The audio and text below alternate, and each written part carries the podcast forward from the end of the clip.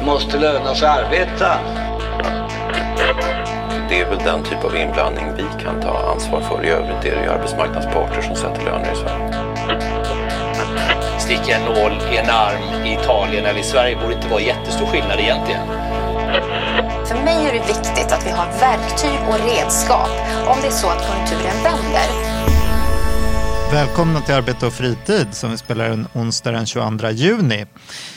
Idag blir det lite midsommarspecial, men vi har en gäst som vi faktiskt har försökt få hit i eh, flera veckor. Men nu kom du lagom till midsommar. Lena Nitz som är eh, avgående, får man säga, ordförande i Polisförbundet efter 12 år på posten. Välkommen! Tack så mycket och väldigt roligt att få vara här. Du beskriver dig på Twitter som fotbollsintresserad tvåbarnsmamma, tigerfadder och polis. Eh, enda gången jag backar är när jag tar sats. Ja, fast det stämmer ju faktiskt. Eh, och, och, jag har fått frågan just det här med att inte backa när jag tar sats och så vidare. Om det är så att jag inte lyssnar utan att jag bara driver min linje. Och det är inte riktigt så det är menat utan mer att att jag är, uh, är, väldigt målmedveten och när målet är satt då, då tar jag sats och sen driver jag på. Det är så man ska, um, ska tolka så det. ska tolkas, okay. ja. Du, jag tänkte att uh, vi skulle ta avstamp i de senaste frågorna helt enkelt som är på tapeten kring polisen och Eh, de gängkriminella och bedrägerier och brott mot välfärdssystemen och eh, hur polisen egentligen ska fungera, hur många ni ska vara och hur långa batongerna egentligen ska vara. Tydligen en fråga för EU numera. Eh, men först av allt, du, du ställer ju inte upp för omval nu på kongressen i september, men du har varit ordförande i 12 år, sedan 2010, för Polisförbundet. Vad, eh, hur har saker och ting ändrats på de här 12 åren? Du har ju varit polis längre än så, men just ur förbundets synvinkel. Vad har hänt med polisyrket vill man ju veta då. Ja, men det här har ju varit fantastiskt roliga och intressanta och spännande år måste jag säga. Och det har hänt mycket under de här åren och framför allt så tycker jag ju att Ehm, det som har varit, alltså stått, stått på högkant har ju varit polisbristen och vad som har skett i polisbristens spår. Det vill säga ehm, att 2015 kom den här omorganisationen och vi såg också lite tidigare men definitivt under, eh, under den tiden att fler poliser slutade eh, sitt yrke. Just det. Påminn oss, vad gick den ut på? Ja, eh, polis, eh, den omorganisation som skedde 2015 det var ju egentligen en av de absolut största omorganisationerna sen inom polisen sen, sen polisen förstatligades på, på, på 60-talet. Så att det var en väldigt omvälvande omorganisation där, där Eh, eh, det, det då skulle bli, flera polismyndigheter skulle bli en sammanhållen svensk polis. Och det där var ju Polisförbundet också, eh, det tyckte vi skulle vara bra. Eh, vi skulle få en rikspolischef som var ytterst ansvarig som också skulle kunna ta ansvar för helheten och det tredje syftet var att man skulle komma närmare medborgarna. Så att Polisförbundet var positivt inställda även om vi visste att det här skulle bli kämpigt. Det är ju varje omorganisation. Ehm, men eh, under... Ja, hur blev det då? Ja. Är, det, är det skillnad idag från när du började och var polis? Ja men det är det tycker jag på så sätt att Ehm, att det, blev ju, det blev ju sju regioner och de är mer bärkraftiga än vad man var innan. Och en sammanhållen svensk polis jobbar ju över gränserna. Innan var ju problemet att man hade myndighetsgränser och mm, man samarbetade inte riktigt så effektivt som man tyckte. Så där tycker jag väl att det har, eh, det har blivit bättre. Eh, och vi har också en, en rikspolischef som har yttersta ansvar. Det hade man ju inte tidigare utan då var det olika eh, länspolismästare och sådär. Närmare medborgarna däremot, där tycker jag att vi är alldeles för långt ifrån idag än vad vi borde ha varit och vad syftet var. Och en, till en viss del med anledning av den polisbrist vi har. För det var ju det jag började med, att under samma tid här slutade ju fler poliser än någonsin och vi fick en polistäthet om man räknar på 100 000 invånare som faktiskt, skulle jag nästan säga, var nere på en samhällsfarlig nivå. Och polisen kunde inte eh, uppfylla sitt uppdrag helt enkelt. Men du, vad ska du göra nu då när du eh, slutar som polisordförande? Ja, det där eh, tål ju att tänkas på och nu har det varit så väldigt intensivt och jag kör ju ända in i kaklet. Så det har jag inte riktigt hunnit fundera på. Men under semestern här tänker jag ta mig tid att vara lite hängmattan och eh, tänka på hur jag tycker att den kompetensen och all den erfarenhet som jag har fått under de här åren kan tas tillvara på bästa sätt. För jag tycker ändå, jag känner mig starkare och ja, mer liksom kraftfull än någonsin just nu. Det, det låter som yttre tjänst. ja, man kan vara överallt. Jag, jag har en fördel av att tycka att väldigt, väldigt mycket är intressant och roligt.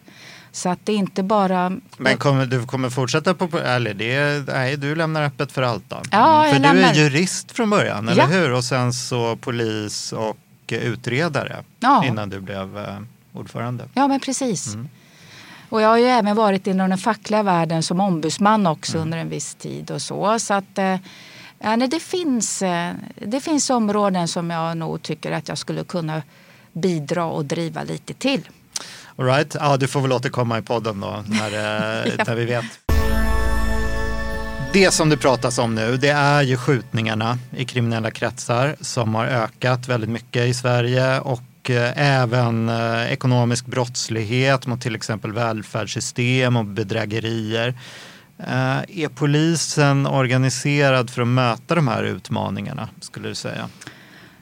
Ja, eh, polisen har ju väldigt, väldigt stora utmaningar precis som du säger. Och Eh, det har verkligen mm, eskalerat under de sista åren. Skulle nog vilja säga att det ändå är eh, att, att, att en stor del av det ändå handlar om den polisbrist som vi har haft och fortfarande har.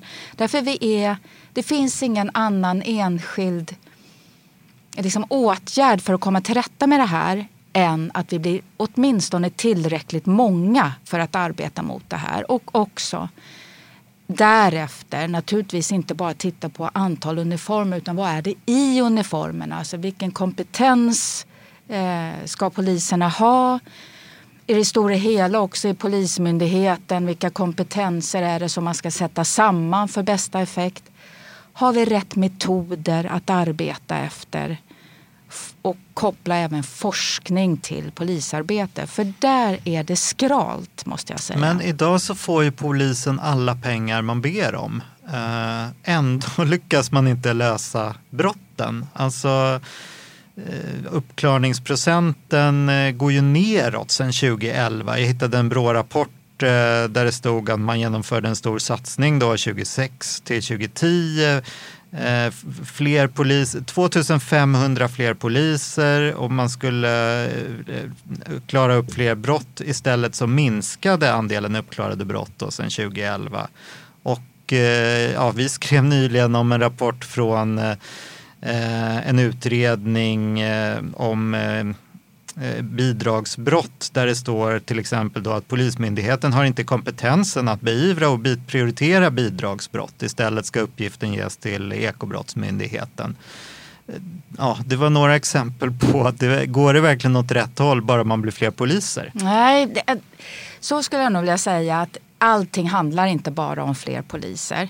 Utan i det stora hela skulle jag nog vilja säga att um, här är det här är det liksom så otroligt viktigt att hela samhället jobbar tillsammans med att brottsförebyggande arbete till exempel. Det är inte bara polisen som kan göra någonting åt det här utan här måste skola in, social eller eh, socialarbetarna måste in eh, och många andra aktörer måste samverka på ett mycket bättre sätt än vad man har gjort tidigare. Och det tycker jag att man börjar, man börjar vakna upp och se det helt enkelt. Men är polisen så effektiv som den skulle kunna vara idag? Ja, alltså, nej, det tycker jag inte. Jag tycker man skulle kunna bli mycket mer e- effektiva. I det stora hela tycker jag ju att man måste samverka mer i samhället. Jag tycker att man måste titta på eh, Polismyndigheten så att ska Polismyndigheten verkligen göra allting som, som sägs idag? Ska man ha passhantering? Ska man ha Eh, eh, olika andra uppdrag? Att man renodlar det polisarbetet när man väl går ner på Polismyndigheten så är det klart att då måste man ju titta på, är vi rätt resurssatta? Och då, är, då kommer ju den biten med antal poliser och annan kompetens in också. Ehm, men också vad utgår vi från för metoder? Har vi rätt utrustning?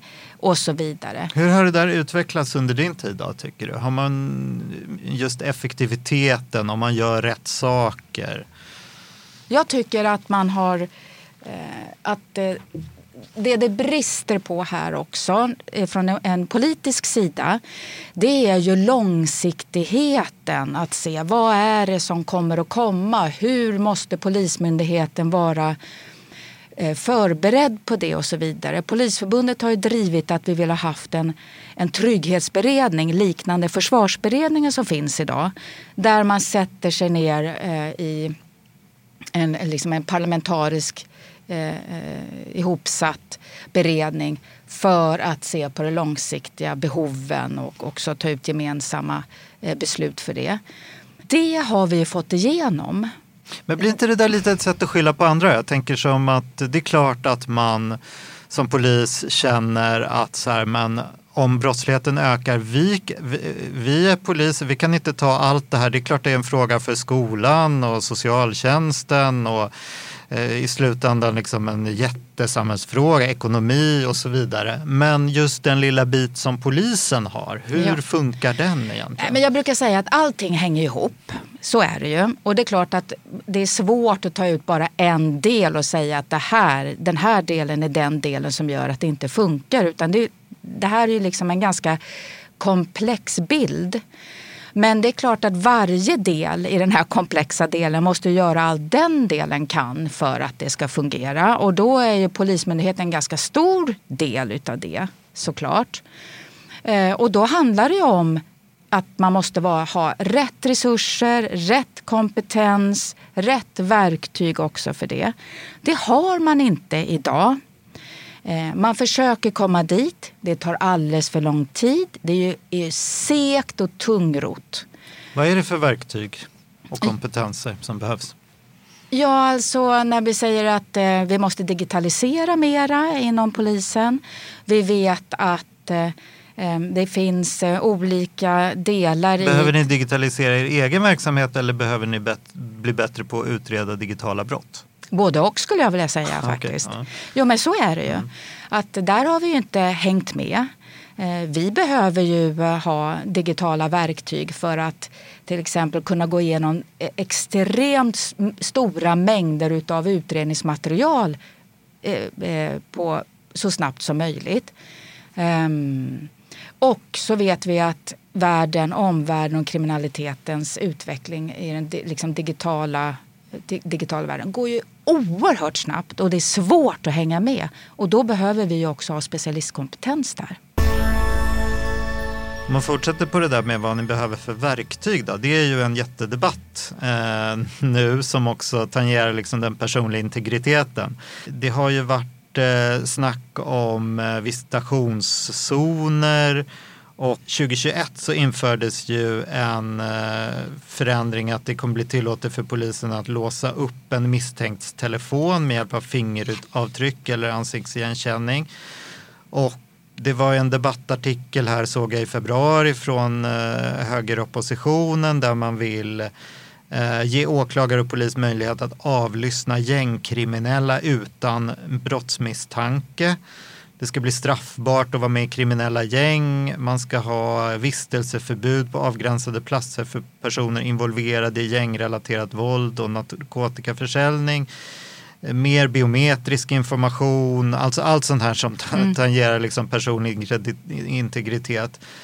Är det sådana verktyg som behövs eh, eller vad, hur, hur ser du på det? Ja, men det är klart att nu kanske många tror att jag kommer säga ja, allting behövs för att vi ska liksom, eh, få, få bukt med kriminaliteten. Men jag tycker liksom, här finns det en väldigt svår avvägning och det är väldigt viktigt att vi diskuterar den tycker jag. Därför att avvägningen ligger just på att kunna bli effektiva med, med sådana här verktyg och samtidigt ändå um, behålla eh, förtroende för polisen att man kan hantera det och och att eh, integriteten inte blir alltför inskränkt. För balansen ligger ju någonstans också på att det är mm, en inskränkning i ens integritet att man till exempel inte vågar gå ut eller att man blir utsatt för brott också. Så någonstans här tycker jag det finns en väldigt intressant diskussion att föra. Men det här konkreta då, att man ska kunna eh, avlyssna utan brottsmisstanke? Ja, där, jag säger inte ja eller nej, men däremot att, det, eh, att, att utreda den sortens eh, metoder finns det väl alla anledning att göra. Men vad man kommer fram till, det är det som är det viktiga och okay. hålla diskussionen. För um, det, det jag tycker är, är, är det blir så, ska man säga, det blir lite enögt och man kanske går lite för snabbt fram eh, när man ser att kriminaliteten utvecklar sig så som den gör och har gjort. Och när man blir orolig för det, då, då, då kommer ju väldigt många av de här förslagen. Och här gäller det också att det inte blir så het på gröt eller vad man ska säga. Så att, eh, så att vi missar någonting i det. Den här in, det andra konkreta här är den här indelningen i eh, personer då som är gängkriminella. Kan man göra en sån indelning? Hur gör man den? Är det, är det någonting du ser framför dig att, att, att, att man kan göra en sån? Och ha vissa regler för de som anses vara gängkriminella? Ja, här, här måste jag säga att jag är nog en av de som eh, förespråkar rättssäkerhet eh, och att, det, att, att vi verkligen måste hålla den så långt som möjligt och hitta vägar fram för att bli effektiva utan att hamna utanför rättssäkerhetsspåret helt enkelt. Men med det sagt skulle jag vilja säga att, att sådana här, eh, såna här förslag är det väldigt viktigt att man är noggrann med när man diskuterar och varför man i sådana fall eh, att man beslutar att de ska, om de ska finnas eller inte. Polisförbundet har inte tagit ställning till någon av det här än. Nej. Okej, straff är ju en annan sån här fråga som eh, diskuteras. Eh, hur ser ni på det där? Är, är straff viktiga för polisens arbete mot brott? Ja, men det, ja eh, kan jag väl säga. Eh, eh, både med anledning utav att eh, Ehm, att det är ju både, vad ska man säga, det är ju pre, i preventivt syfte och också att gärningsmännen blir satta bakom lås och bom och också att, att eh, målsäganden får upprättelse. Allt det där hänger ju också ihop. Men med, men med det sagt också så är ju inte det allt. Utan um, här ibland tycker jag att det blir en obalans i diskussionen. Och då menar jag att det är väldigt mycket fokus på brott och straff och att om allting blir Eh, längre och hårdare och så vidare eh, så ska det vara eh, så pass preventivt så att man inte begår. Det vet vi att så fungerar det ju inte riktigt. Eh, och ibland tar det ju mer fokus från det brottsförebyggande arbetet och där tycker jag att fokus ska vara. Det är oerhört viktigt att lägga ner tid och kraft och arbete på det brottsförebyggande arbetet. Det svåra med det är att det är ju väldigt luddigt. Det tar lång tid innan det, man ser resultat och då är inte det lika politiskt slagfärdigt. Liksom så. Kan polisen eh, jobba brottsförebyggande i större utsträckning? Ja, det kan vi. Mm -hmm. Ja men det är klart att man kan. Ja, men både på det sättet att man idag eh, nu eh, så, så har man ju inte tillräckligt mycket med resurser att göra det. Utan man prioriterar väldigt hårt. Då prioriterar man ju det som är eh, som är liksom i ingripande verksamheten och då får de poliser som egentligen skulle jobba med relationsbyggande och områdespoliser och så vidare. De, de blir ju helt enkelt omfördelade till det som är prioritet 1 och 2 jobb. Och då är klart att då finns ju inte resurserna där. Eh, och det har varit ett problem så länge jag har varit polis skulle jag faktiskt vilja säga, tyvärr. Ja, men om vi håller oss kvar vid de här eh, stora polisfrågorna mm. utan att gå in på förbundet än så länge. Då. Eh, du nämnde ju den här trygghetsberedningen och den lite större bilden. Skulle du säga att polisen idag vinner mot den organiserade brottsligheten? Ja, det kommer vi att göra. Nej, men det får ju aldrig vara att polisen eller samhället i sig ger efter utan um, Nej, då skulle jag svara att den organiserade brottsligheten aldrig kommer att vinna om det nu är ett, ett så man ska se det. Men eh, jag tror att många kommer bli offer för den organiserade brottsligheten. Ju längre tid det tar för oss att komma till rätta med den. Ja, det, så är det ju. Ja, så är det. men, eh, men ser det bra ut i den kampen? Alltså jag tänker, eh, just nu är ju de här skjutningarna ökar ju. Mm. Eh, det var ju många i år igen. Mm. Och när du, vad baserar du att ni kommer att vinna på? Liksom? Ja, nej men så här, det, det här har ju inte kommit över en natt. Vi som har varit i den här branschen, om man får säga så, har ju sett det här komma under väldigt lång tid. Och försökt också för den delen att uppmärksamma eh, alltså politiker och, och, och, andra på det. Eh, och när, nu står vi ju mitt i den skulle jag vilja säga och det är ett komplicerat problem. Det är komplext att, att uh, få bukt med det här. Vad är det som har hänt då? Vad är det politiken borde ta tag i? Jag tycker att, att det här handlar om eh, Ja, det handlar om att man inte har förebyggt tidigare. Man har inte sett vad det är som händer. Och det finns ett utanförskap och, och flera många delar utav det här. Och vi har haft en, en polis myndighet som inte har klarat sitt uppdrag. Det är klart att man tappar mark. Det är ju det som vi har gjort. Men det här har ju politiken vetat i 30 år ungefär att det finns ett växande utanförskap och eh, det har ju inte behandlas varken i ekonomin eller i skolan och så vidare. Nej. Bostadspolitiken vad ska man göra? Vad är liksom polisens... Nej men det är klart att, det är liksom, att man tycker att det ser mörkt ut. Men alltså det, det, eller att, att det inte ser bra ut och att det är fler skjutningar eh, just nu eh, och har varit under ett par år. Men det är alltså, hmm, jag tänker så här. Eh, jag är nog funtad så att det, det och det är ju därför jag är polis också för den delen. Det är ju här som jag som jag tycker är så viktigt att jobba emot. Mot brottsligheten, mot liksom, eh, att det ska bli bättre. Och jag tror verkligen på att det kommer bli det också.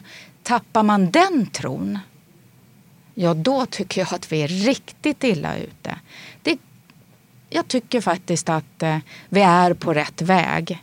Men det är komplicerat och ingen quick fix. Tycker kollegorna det också då? Eller är det du som är funtad så?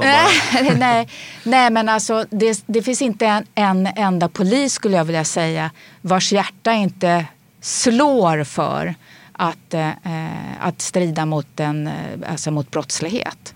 Och det har ju polisen gjort så länge polisen har funnits så det är väl klart att man tror på det. Mm. Däremot är man frustrerad över att man idag inte har rätt förutsättningar för att göra ett bra jobb. Och då, man vill vara stolt över det jobb man gör och se, eh, och, och, se att det eh, ger resultat. Och när man inte gör det, det är då frustrationen kommer. Jag tänkte på, du var ju väldigt kritisk efter eh, de här så kallade påskupploppen, mm. alltså det som hände med den här eh, politikern Paludan ja. och eh, eh reaktionerna där. Du skrev ju att eh, poliser som var i tjänst under upploppen vittnar i flera fall om att de var för få, vilket är oerhört allvarligt. och eh, du vill att man ska liksom utreda hur eh, organisationen och beslutskedjan fungerade under upploppen.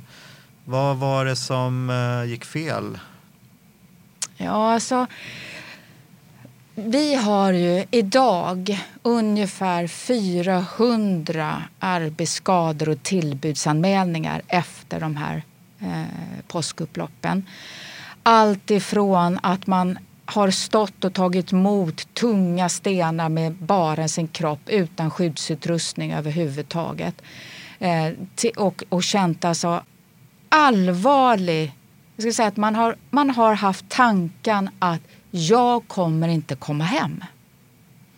Till att eh, eh, man har blivit frustrerad över att eh, man inte har fått hjälpa till. För så är det, alla vill ju hjälpa till då.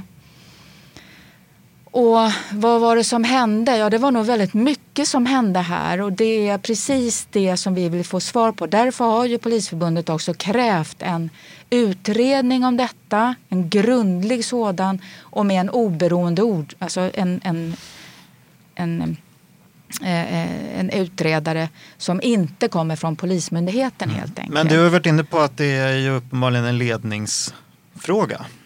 Att man inte har eh, tillräckligt med folk eller använt fel metoder eller det finns nog många anledningar tror jag mm. till det här. Och eh, vi får också komma ihåg att det här skedde ju på flera olika platser flera dagar i rad. Och att det var på vissa platser som det var riktigt jobbigt och allvarligt och på andra platser gick det ju bättre. Och vad jag vill är att man ska titta på det stora hela och se allt. Lyft, liksom lyfta på allting och se vad var det som, som hände, vad var det som gick fel. Och jag har också krävt att man ska ta in kunskap ifrån andra europeiska länder där man använder eh, samma metoder som vi Eh, och vad kan vi lära oss av det? För det är det som är det viktiga i detta. Det får inte hända igen. En annan sån här liten organisatorisk fråga då för er är ju det här diskussionen om alla poliser behöver exakt samma utbildning. Det kom ett förslag från eh, en polis på DN Debatt till exempel, politiker i Moderaterna som tyckte att Eh, alla som antas till den svenska polisutbildningen förväntas kunna göra i princip allting inom polisen och antagningskraven är anpassade därefter. Istället borde man dela upp utbildningen i två.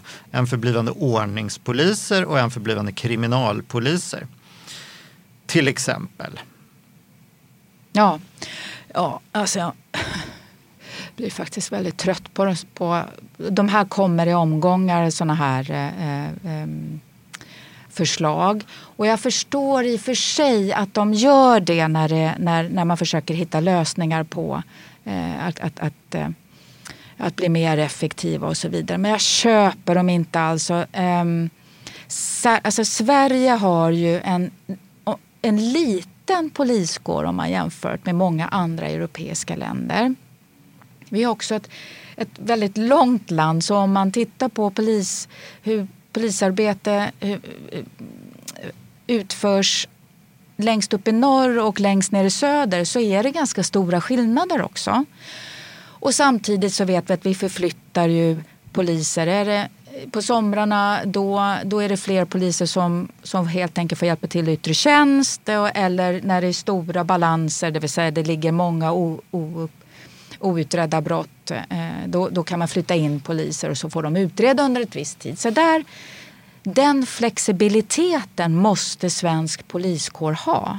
Och för att kunna ha det så måste man ju ha en gemensam grund att stå på. Men det finns väl många eh, civilanställda inom polisen? Jajamän, det och finns det. De är inte flexibla på det sättet. Nej. Men eh, det verkar ju gå bra i alla fall. Ja. Ska inte de bli poliser då? Jo men det blir de ju. Ja. Det har ju öppnats vägar in nu och mm. som vi tycker är bra. Att de, de civilanställda eh, och som ut, eh, liksom, till exempel en civilanställd utredare som klarar av Eh, Men kraven. tänk om de har glasögon och astma och så vidare och inte, och inte fyller kraven då? Fastän ja. de är duktiga utredare. Ja, just det.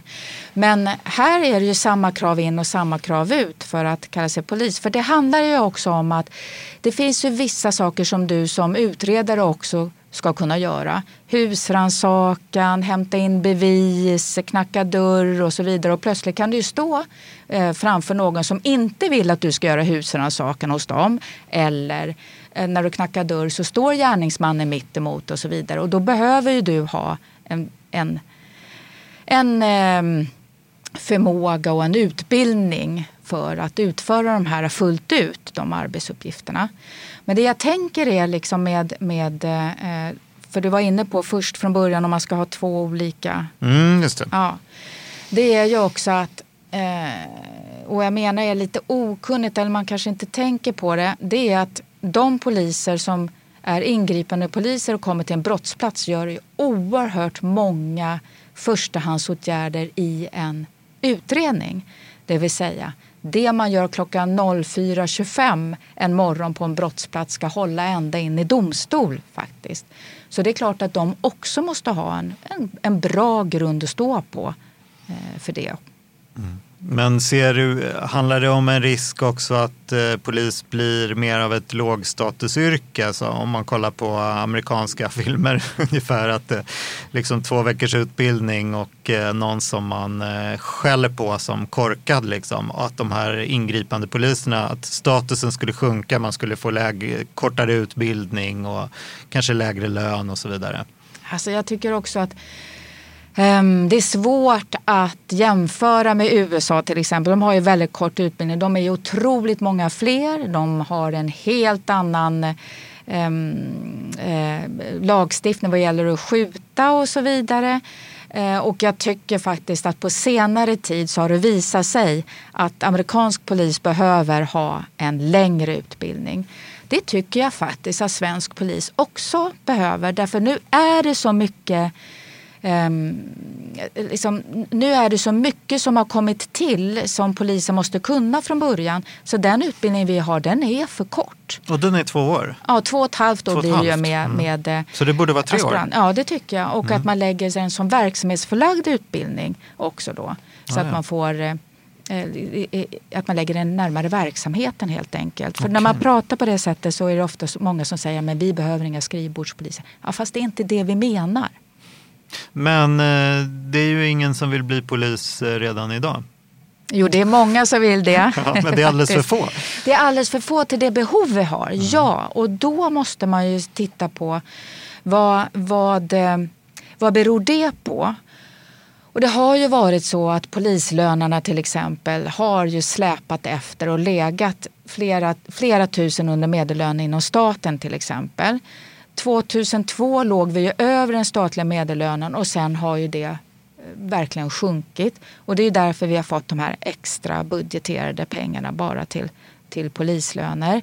För det måste vara värt att vara polis också. Men det handlar ju också om att när man väl blir polis att det finns kompetens, alltså att, man får, att det finns utvecklingsmöjligheter eh, vidare för att man ska vilja stanna kvar naturligtvis. Och att man har en arbetsgivare som eh, som är attraktiv och har en personalpolitik som gör också att man känner att man orkar vara polis under en under ett lång tid. Och det senare lät som du hade en lite kritisk eh, ton där. Ja. Är, det, är, det, är det där ett problem att polisen inte upplevs uh, ha en uh, arbetsgivarorganisation som är attraktiv att jobba inom? Eller en ledningsstruktur kanske? Alltså det, jag känner ju så här, det kommer ju mycket, jag tycker hela tiden man hör liksom kritik mot polisen. Ja, men jag tänker på den här polisforskaren, mm. eh, Stefan Holgersson ja. heter han va? Mm. Det, jag tror att det senaste var att det handlade om att man inte följer eh, offentlighetsprincipen till exempel. Och då kommer han ju in på kårandan. Eh, även där, alltså det, man hör ju ofta om det där att man försvarar varandra istället för att lämna ut eh, det som eh, journalister har rätt till och att man försöker dölja eh, problem och missförhållanden. Eh, finns det, ja, ja, det är ofta mm, det man mm. liksom eh, kommer in på även i, de, alltså jag tänker att det kanske även den här lilla kritiska tonen hos dig med arbetsgivarfråga, att det finns någonting där som snurrar hos eh, allmänheten kring ledning och mycket om man försvarar varandra istället för att försöka och att man inte accepterar liksom kritiska röster som vill förbättra och så vidare. Ja, nej men där, där mina medlemmar vittnar ju om att man tycker att det är lågt i tak mm. inom polisen. Det betyder ju att man inte tycker och känner att man kan framföra kritik utan att det i sådana fall faktiskt skulle kunna få negativa konsekvenser för dem. Och det är ju allvarligt skulle jag vilja säga. Och det är väl det som, som Stefan Holgersson också pekar på. Mm. Eh, att, han, eh, att han också ser i sin forskning. Eh, och det här är påtalat för polisledningen och Ehm, vi, vi, tycker också, arbetstagarorganisationerna i sig tycker också att vår delaktighet har eh, minskat över tid. Eh, och att Eh, det betyder väl också på ett sätt att ehm, arbetsgivaren inte lyssnar på sina, sina, sina medarbetare genom de fackliga organisationerna. Så där finns det ju också ett skav skulle jag vilja säga som är, som är Eh, allvarligt och som man måste ta tag i helt enkelt. Så på, på det sättet så är det ju rätt. Och när du, när du ändå nämner offentlighetsprincipen där också skulle jag vilja säga att vår egen polistidning har ju svårt att få ut handlingar ifrån Polismyndigheten och, och att det går väldigt segt. Men jag kopplar inte ihop det med en kårande för kårande brukar man ju prata om när man pratar om poliser. Och i de, i de här fallen tror jag inte att det så ofta är poliser som, som lämnar ut eller inte lämnar ut och, och så vidare. Så där. Eh, men det är myndigheten i sig som, som det här faktiskt riktar sig mot. Ja, all right.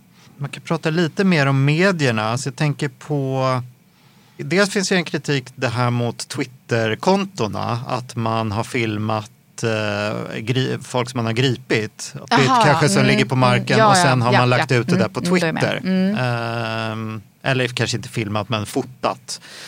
Och eh, fått en hel del kritik, eh, bland annat en eh, granskning etc. Men det där har man skärpt upp nu va? Det är också en personlig integritetsfråga. Ja, en väldigt viktig sån tycker jag också. Att man man har skärpt upp den. Att det händer tycker jag är väldigt, väldigt tråkigt. Det, är, det är ju, handlar om förtroende för polisen och att alla ska känna sig trygga med att, att de vi ingriper mot också eh, får sin integritet tillvaratagen eller hur man nu ska mm. säga. Så Gillar du de här eh, Twitterkontona från privata poliser? Följer du dem? Ja, några de, av dem gör jag. Ja. ja. Nej, men jag tycker, tycker att... de håller sig på, alltså det är en svår avvägning där. Ja, man är, är personlig och man är polis ja. samtidigt och använder polisens symboler och så vidare. Ja, jag tycker att, att eh, eh Eh, man har blivit bättre på det och jag, tycker, jag kan nämna ett som jag tycker är väldigt bra. Det är ju eh, eh YB Södermalm till exempel som jag tycker är, på, kan balansera på ett, på ett respektfullt och integritetsskyddande men ibland med glimten i ögat och med humor eh, och så.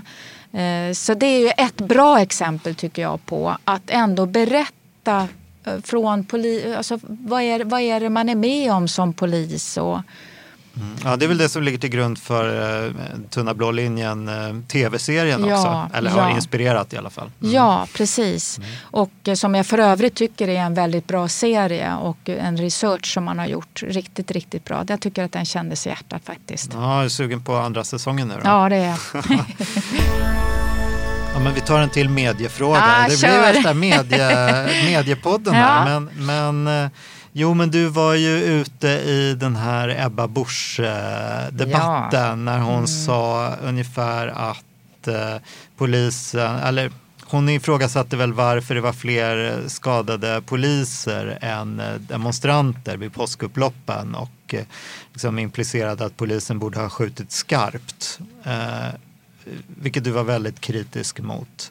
Det är ett oerhört uttalande att, svensk, att en svensk politiker närmast uppmanar svensk polis att skada ett hundratal personer genom att skjuta skarpt hör inte hemma i en rättsstat, Nej, sa du då. Precis så. Hur ser du på de där uttalandena?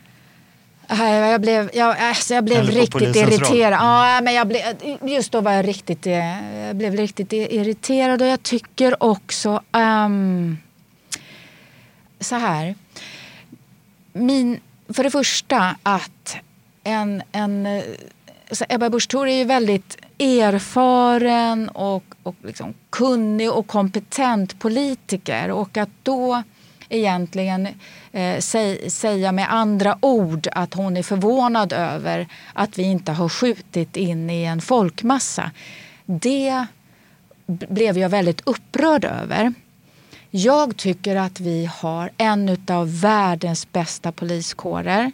Det är precis därför det är så viktigt att vidmakthålla den här utbildningen och kraven på den och så vidare. För i de här situationerna där de här poliserna stod, där man faktiskt fruktar för sitt eget liv. Man sätter and, alltså andras bästa före sitt eget. Och eh, det är den enskilde polisens bedömning i varje sekund som man befinner sig. Ska jag använda mitt vapen? Det yttersta våldet som en människa kan använda mot en annan.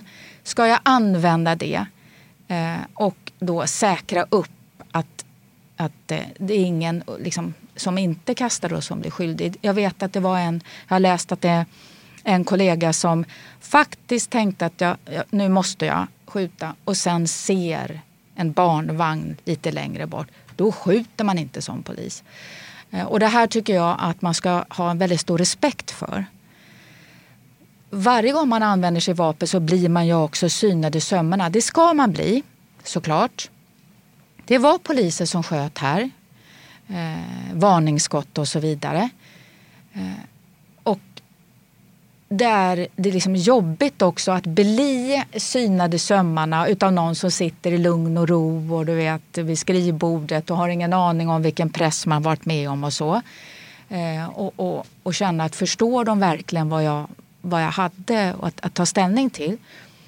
Men att man också ska bli ifrågasatt för att man inte sköt då tycker jag att där, alltså det, är, det är två aspekter i det. För det första då att, att eh, säga till en poliskår att man ska skjuta för att skada eh, och sen eh, att bli ifrågasatt för att man inte skjuter. Så att, ja, jag var, jag var skarp i tonen där. Sen vet jag att hon senare sagt att det var inte riktigt så hon menade. Så. Nej, och, och, det, och det kanske hon inte gjorde.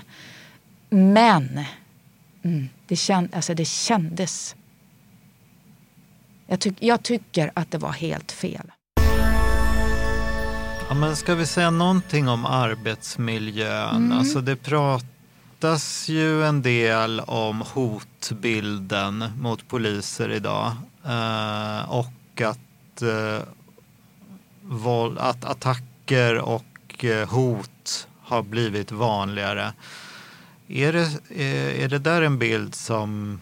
Är den, eh, är den liksom vetenskapligt belagd eller är det en bild som, ni, som du delar i, från, från Polisförbundets sida? Ja, absolut. Eh, och, och då handlar det egentligen om, skulle jag vilja säga, att, att hot och våld har liksom ändrat karaktär. Att det har blivit mer rått.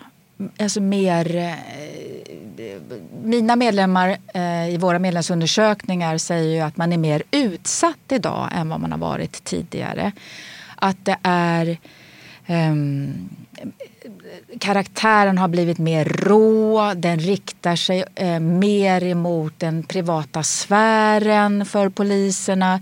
Man blandar oftare in eh, i, i, hot och så vidare. Så sublimt om deras familjer, var man bor någonstans, vad barnen har för kläder på sig idag. Det överensstämmer med vilken färg på jackan de har när de går till, till till skolan och sådär. Så att det, det har ändrat eh, karaktär och det tycker jag också faktiskt visar sig i de här påskupploppen som vi pratade om. Därför att eh, vi har varit med om tidigare att det har kastats stenar eller skjutits fyrverkerier eh, mot oss och sådär. Vi tränade för det också och vi har utrustning för det. Men det här var någonting alldeles speciellt för det här var eh, det här var ju riktat emot att skada de poliser som stod där. Inte så mycket för, som man upplevde det som, för att kämpa för sina demokratiska rättigheter, yttrandefriheten och så vidare. Så, utan att det här var enkom till för att skada poliser och också um, det vet man ju om när man kastar sådana stenar som man gjorde. Att det kan ju också ha slutat med att en polis faktiskt inte kom hem. Och de senare åren, jag har ju varit på polisbegravningar eh, därför att kollegor faktiskt inte har gjort det också. Så det är klart att eh, eh, eh den, den, det, det våldet som, som var på de här påskupploppen det var ju eh, något som vi inte hade varit med om tidigare. Vad är din bild av det där? Det pratades ju om att det var organiserade kriminella och eh, så vidare. Eller var det, var det någon sorts uttryck för lite allmänt polishat i eh, liksom, vissa grupper? Eller vad handlade det om? Ja, jag tror, jag tror att det var olika. Det var ju på olika ställen också ju. Eh, att det, I olika städer. Och det, eh, det såg nog olika ut Eh, så så att eh, jag har inte något belägg eller för den delen hört eh, att det skulle vara det ena eller det andra. Nej. Men jag tänker att det kanske också utredningen kan ge svar på för det är en viktig fråga tycker jag mm. för att um, också kunna förebygga att det händer igen. Men finns, jag tänker så hänger det ihop hänger ihop med det här, de här hoten och så? Mm. Hänger det ihop med liksom organiserad brottslighet eller hänger det ihop med någon mer, något polishat eller att man känner sig liksom uh, hotad av polisen eller diskriminerad eller och så vidare. Sånt uh, som man kan jobba med liksom? Eller vad, Jag tror alla delarna bild? finns med. Mm. Alla delarna finns med. Uh, så att det, det ena går inte att utesluta och, och för, för det andra. Utan eh, här tror jag att eh, man måste verkligen göra en noggrann eh, undersökning om eh, vad det här vad det, vad, vad det är liksom som händer och hur det här utvecklar sig och vad man också ska göra för att eh, förebygga det. Och då måste vi kanske rikta, alltså, då måste vi också rikta våra blickar utåt. Eh, var, var, vart någonstans i till exempel Europa som ändå haft liknande problem har man kommit till bukt med detta? Och vad har de gjort då som vi behöver göra mer utav? Och det är precis därför som Polisförbundet krävde i den här utredningen då om påskupploppen att man skulle ta eh, in eh, den kompetensen utifrån också. Vad är det roligaste med att vara polis då? Är det kul att vara polis? Ja, det är, det är ett drömjobb, det måste jag säga. Jag har inte ångrat mig för en enda sekund att, att eh, jag tog beslutet att, att bli polis. Det är ett arbete som är fullt med glädje och värme och gemenskap och man känner också att man verkligen kan göra skillnad. Och det är det som gör att det är liksom ett, ett arbete som känns viktigt att gå till varje dag. Och jag tror också att det är precis det som gör att när man känner att man inte har rätt förutsättningar att det också blir en väldig frustration med det. Men det här är att eh, jag tycker att det är ett drömjobb. Härligt att höra. Um, det blev en riktig liten uh, reklaminslag där för att bli polis. Ja, men vi behöver fler. det där, ja, om folk gillar eller inte gillar poliser, mm. alltså det där måste ju vara en spännande del av yrket, mm. tänker jag. Alltså ja. man är på ett sätt där man liksom eh, rättvisans uh, upprätthållare och på ett sätt är man ju närmast militär med sina uniformer och kläder och man kan ge böter och man kan spärra in folk. Det mm. finns ju en rädsla i det där också. Det är en väldigt dubbel, dubbel eh, känsla från allmänheten föreställer jag mig. Hur, eh, hur, hur, hur tänker man på det där som polis? Ja men, ja, men det verkligen. För för det är verkligen dubbelt. Det är, det är må många som tycker att det är roligt och spännande eh, när en polis kommer och så kan jag nog säga att det finns de som inte alls vill att vi ska komma och, och, och sådär. Va? Så det, det är helt klart dubbelt. Um, uh, och det, det, får liksom ingå i uh, hur man hanterar uh, olika situationer. Och det är också det som är det är det som är det liksom komplicerade och komplexa i yrket och en utmaning faktiskt också. Eh, till stor del. Eh, och eh, ibland är det så att om man jobbar i, i kanske med, mm, med svåra arbetsuppgifter så sliter det på ens själ skulle jag vilja säga. Jag, jag tänker ofta på de som jobbar med trafficking eller barnpornografi eller, eh, och, och, andra liksom lite svårare som, tar, som, som verkligen gröper ur en inifrån och att man då måste få stöd och hjälp för att, för att klara att göra det eh, under en längre tid.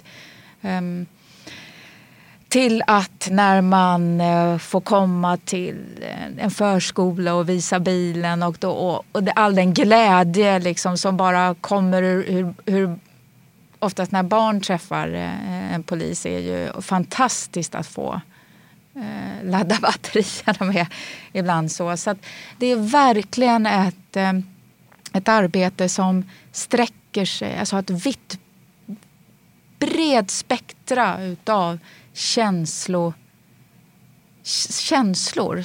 Om man tror att polisen är och att poliser är, in, alltså är, mm, inte har känslor och så vidare så är det precis tvärtom.